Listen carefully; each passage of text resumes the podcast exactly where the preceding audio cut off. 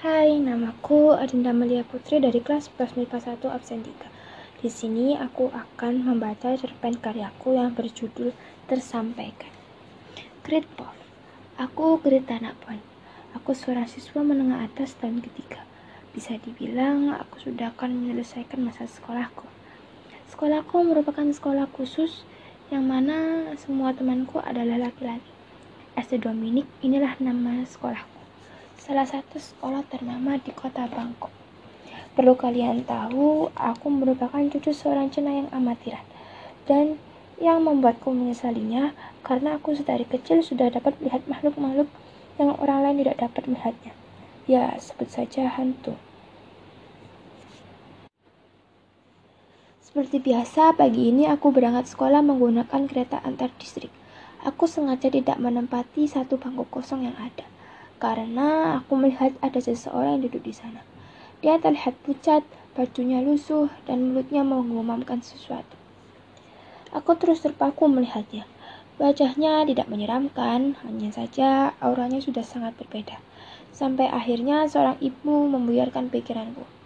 Nak, kenapa tidak duduk di sini? Di sini kosong, kata ibu itu. Tidak, Bu, terima kasih. Tolakku karena aku tahu ada yang tidak tampak duduk di sana. Dan akhirnya aku tiba di sekolahku. Kelas masih sepi dan belum banyak teman yang datang. Aku langsung menuju bangku yang berada di barisan belakang.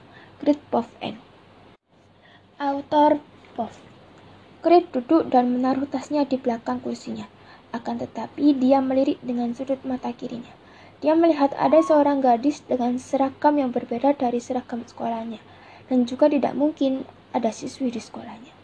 Gadis itu juga terlihat masih mengenakan seragam menengah pertama. Tampilannya tidak menakutkan, tapi Krit tahu gadis itu bukan manusia. Krit terus menatapnya, dan gadis itu akhirnya menoleh ke samping. Krit langsung membuang tatapannya ke depan seolah-olah dia tidak melihatnya. Tidak berapa lama kemudian, sahabatnya datang. Dia bernama Bim Jaturompul. Keduanya sudah bersahabat sejak tahun pertama mereka di sekolah itu. Bill menyapa Grit. Lalu duduk di bangkunya yang terletak di sebelah Grit. Tapi berbeda baris pelajaran pun dimulai. Grit seakan tidak menghiraukan kehadiran gadis itu sampai dia melihat gadis itu memeluk Bim dari belakang. Dengan berdebar takut, Grit terus melihatnya. Dia sama sekali tidak memperhatikan materi yang guru sampaikan di depan kelas. Grit membuang pandangannya cepat karena tiba-tiba gadis itu melihatnya. Keringat dingin muncul di pelipisnya. Krit berusaha menatap punggung Bim lagi, tetapi hantu gadis itu sudah tidak ada. Krit terus mencari di belakangnya, akan tetapi dia sungguh dikejutan karena wajah gadis itu sudah ada di hadapannya. Sampai dia terjungkal ke belakang. Tentu saja tindakannya itu mencuri perhatian seisi kelas. Kau kenapa? Tanya guru. Aku tidak apa-apa, jawab Krit gugup. Krit Tanapon, apa yang kau lakukan? Melamun saat jam kelasku, tanya guru pengajar. Sebaiknya kau berdiri di luar kelas agar otakmu lebih segar, lanjut guru itu. Krit pun mematuhi perintah gurunya tersebut. Dia berdiri di luar kelas, akan tetapi dengan raut wajah gelisah. Bim yang melihatnya sangatlah cemas, sahabatnya tidak seperti biasa. Selama berteman, Bim tidak mengetahui jika Grit bisa melihat hantu. Yang Bim tahu, Grit hanya cucu seorang cenayang amatiran, autor Pov N. Gara-gara hantu gadis ini, aku dapat hukuman. Dia terus mengikutiku, sepertinya dia tahu aku bisa melihatnya. Aku terus saja menghindarinya, sampai aku merasakan sesuatu di punggungku. Ternyata hantu gadis itu mencoba menuliskan sesuatu. Great Puff. Gara-gara hantu gadis ini aku dapat hukuman. Dia terus mengikutiku. Sepertinya dia tahu aku bisa melihatnya. Aku terus saja menghindarinya sampai aku merasakan sesuatu di punggungku. Ternyata hantu gadis itu mencoba menuliskan sesuatu. Hai kak, sapanya melalui jari telunjuknya di punggungku. Aku sedikit terkejut karena dia bisa menyentuhku dan ini baru pertama kali aku bisa merasakan. Dia tahu aku terkejut. Dia semakin yakin jika aku bisa merasakan keberadaannya. Maafkan aku, aku tidak bermaksud mengganggumu, lanjutnya. Lalu kau mau apa? Untuk apa kau di sini? Tanya aku. Karena kau bisa melihatku, apa aku boleh meminta tolong padamu? Aku mohon Kak Grit. Sebelum menjawabnya, bel istirahat berbunyi. Kebetulan hari ini aku dan Pim bertugas piket. Untungnya guruku tadi tidak memperpanjang masalah yang aku buat tadi. Aku lalu mengambil penghapus papan tulis dan membawanya ke atap gedung sekolah untuk menepuk-nepuk membersihkannya. Hantu gadis itu tetap mengikutiku. Aku masih tidak memperdulikannya. Aku tepuk-tepuk penghapus itu satu sama lain. Sebaiknya pergi untuk apa ada di sekolah kami? Tanyaku. Aku berada di sini karena Kak Bim, jawabnya. Bim? Kau kenal Bim? Tanyaku sambil ber berbalik menatapnya. Dan memang dia tidak menyeramkan, bahkan memang masih sangat terlihat kecil. Dengan rambut sebahu bermata bulat. Dia membalik badanku dan mulai menulis di punggungku lagi. Aku hanya ingin berterima kasih pada Kak Bim, tulisnya. Berterima kasih? Kapan Bim membantu seseorang? Dia sedingin es, Kak Bim tidak seperti itu. Kau sahabatnya bukan? Bel masuk pun berbunyi saat aku belum sempat menjawabnya. Pelajaran berikutnya pun dimulai. Gadis itu berdiri di belakangku. Aku tidak tanya siapa namanya karena aku sudah membaca nama dada yang ada di baju seragamnya. Namanya Prim. Great Puff N. Prim Puff. Senang sekali akhirnya ada yang bisa mendengarkan dan melihatku. Aku berdiri di belakang Kak Grit. Aku melihat dia menulis sesuatu di bukunya. Bagaimana kau bisa sampai di sini ya dan menemukan Bim bersekolah di sini? Tanya Kak Grit. Sangat mudah menemukan Kak Bim. Seragam sekolah kalian berbeda dengan seragam yang lain, bukan? Tulisku di punggung Kak Grit. Lalu kau bisa sampai kemari. Bagaimana bisa? Sedangkan di bawah ada pohon yang dipercaya para cenayang untuk menangkal hantu. Aku hampir mati dua kali untuk bisa sampai kemari dan dekat dengan Kak Bim. Aku menahannya saat melewati pohon itu. Tubuhku hampir menghilang. Bagaimana kau mati? Tidak ada luka di tubuhmu. Pasti bukan karena kecelakaan kan? Aku dibunuh. Kak Kret dengan terkejut menoleh padaku dan aku sedikit mengangkat leherku. Lukanya tepat di leher bawah daguku. Tentu saja luka ini sudah aku tutupi agar tidak terlalu menyeramkan. Siapa yang membunuhmu? Tanya Kak Krit sedikit gugup dan takut. Artit Vihokratna. Apa? Pembunuh berantai itu? Kejut Kak Krit. Iya kak, aku dengan dia bunuh diri dengan menusukkan pisau di lehernya. Karena semua kejahatannya mulai tercium polisi. Dan kau tahu, dia masih mengejarku, karena hanya aku satu-satunya korbannya yang belum dia bunuh untuk kedua kalinya. Setelah jawabanku itu, Kak Kret tidak menuliskan apa-apa lagi, tetapi dia tampak berpikir. Aku merasa bersalah padanya, karena aku dia tidak berkonsentrasi belajar hari ini. Lalu apa yang sudah Bim perbuat padamu, sampai kau harus berterima kasih padanya. Krit bertanya lagi padaku. Dia meminjamiku payungnya. Hari itu hujan cukup deras. Aku harus segera pulang karena ada acara keluarga yang harus kami hadiri. Kak Bim awalnya tampak tidak peduli, tapi dia menyusulku untuk memberikan payungnya padaku. Aku senang, Kak. Aku sudah bertekad akan membalikannya payungnya dan berterima kasih. Tetapi hari itu aku juga bertemu dengan Ardit Aku sama sekali tidak tahu dan dia menipuku. Dia tiba-tiba berdiri di sampingku, beralasan apa boleh menumpang payungku. Dia berkata kalau mobilnya mogok dan dia habis mencari bantuan. Dia meminta tolong padaku mengantarnya sampai mobilnya. Setelah itu pun aku pulang tidak pernah pulang pi. Autor Buff. Pelajaran hari ini selesai. Bim dan Krit pulang paling akhir karena harus membersihkan kelas terlebih dahulu. Ada apa denganmu hari ini, Krit? Tanya Bim. Tidak ada, aku hanya kurang enak badan. Aku akan bersihkan papan tulis dan penghapusnya, jawab Krit. Baiklah, aku akan membuang sampahnya, sahut Bim. Mereka berdua keluar kelas. Krit sempat melirik keberadaan Bim. Ternyata gadis itu duduk di samping Bim. Di lain tempat, tepatnya di lantai bawah sekolah itu, ada dua guru yang membiarkan tentang pohon yang dianggap sakti oleh para cenayang. Guru art ingin memiliki pohon ini. Dia kolektor pohon antik semacam bonsai dan lainnya. Aku pun tidak bisa menolaknya karena dia adalah pemilik sekolah ini. Bagaimana menurutmu, Guru Kirati? Tanya guru dengan nama Bung Mal ini. Saya rasa berikan saja, lagi pula pohon ini juga hanya pajangan di sini, timpal Kirati. Akhirnya pohon tersebut diangkut dan dipindahkan ke rumah pemilik sekolah itu. Dan di saat yang sama, arwah jahat Artit sampai di sekolah itu karena dia mengikuti aura dari Prim. Mendatangi Prim untuk sekali lagi membunuhnya. Pohon itu sudah dipindahkan dan dengan mudahnya Artit masuk dalam sekolah itu. Terus mengikuti arah aura dari Prim, akhirnya dia sampai di lantai di mana kelas Krit dan Prim berada. Krit yang akan kembali ke kelasnya sangat terkejut dengan apa yang dilihatnya. Arwah hantu Artit berjalan ke arah kelasnya.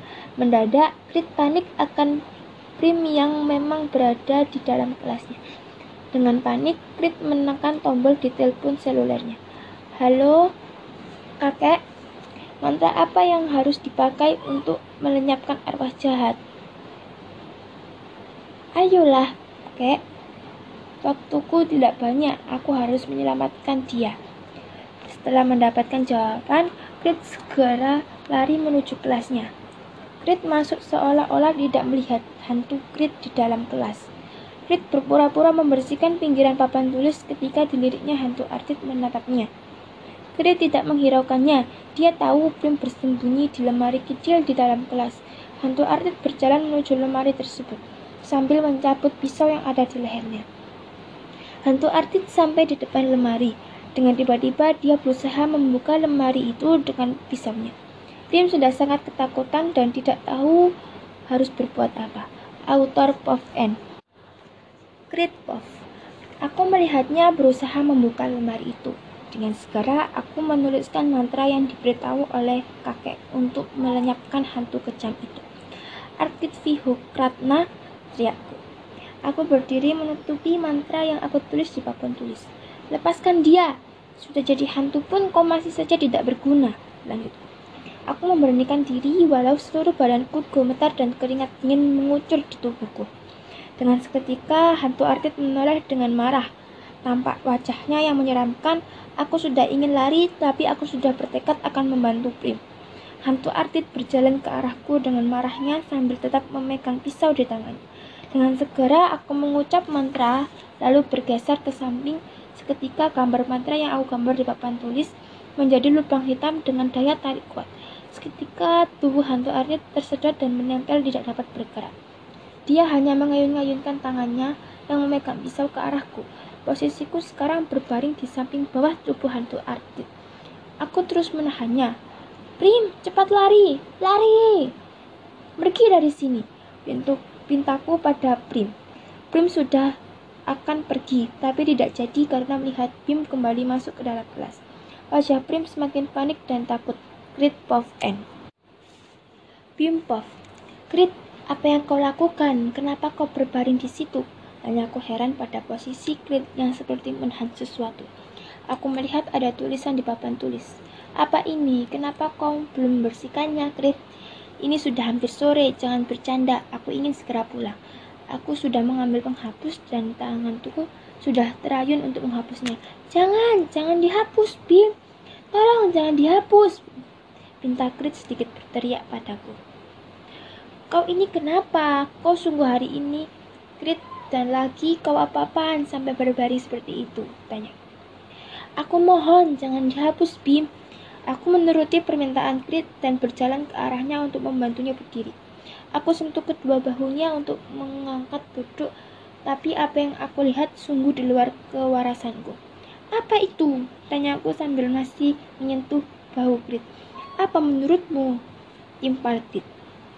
Aku melepaskan tanganku dari bahunya, dan hantu itu tidak terlihat. Aku sentuh lagi bahu Grit dan aku bisa melihatnya. Dan aku bisa melihat apa gadis di sudut kelas dengan ekspresi ketakutan. sama halnya denganku saat ini. Ya Tuhan, kenapa kau tidak pernah memberitahuku kalau bisa melihat mereka? Tanyaku pada Grit. Aku tidak ingin orang yang menganggapku sila bertambah. Jawab Grit. Guru Kirati sambil mengakinkan menghapus tulisan itu.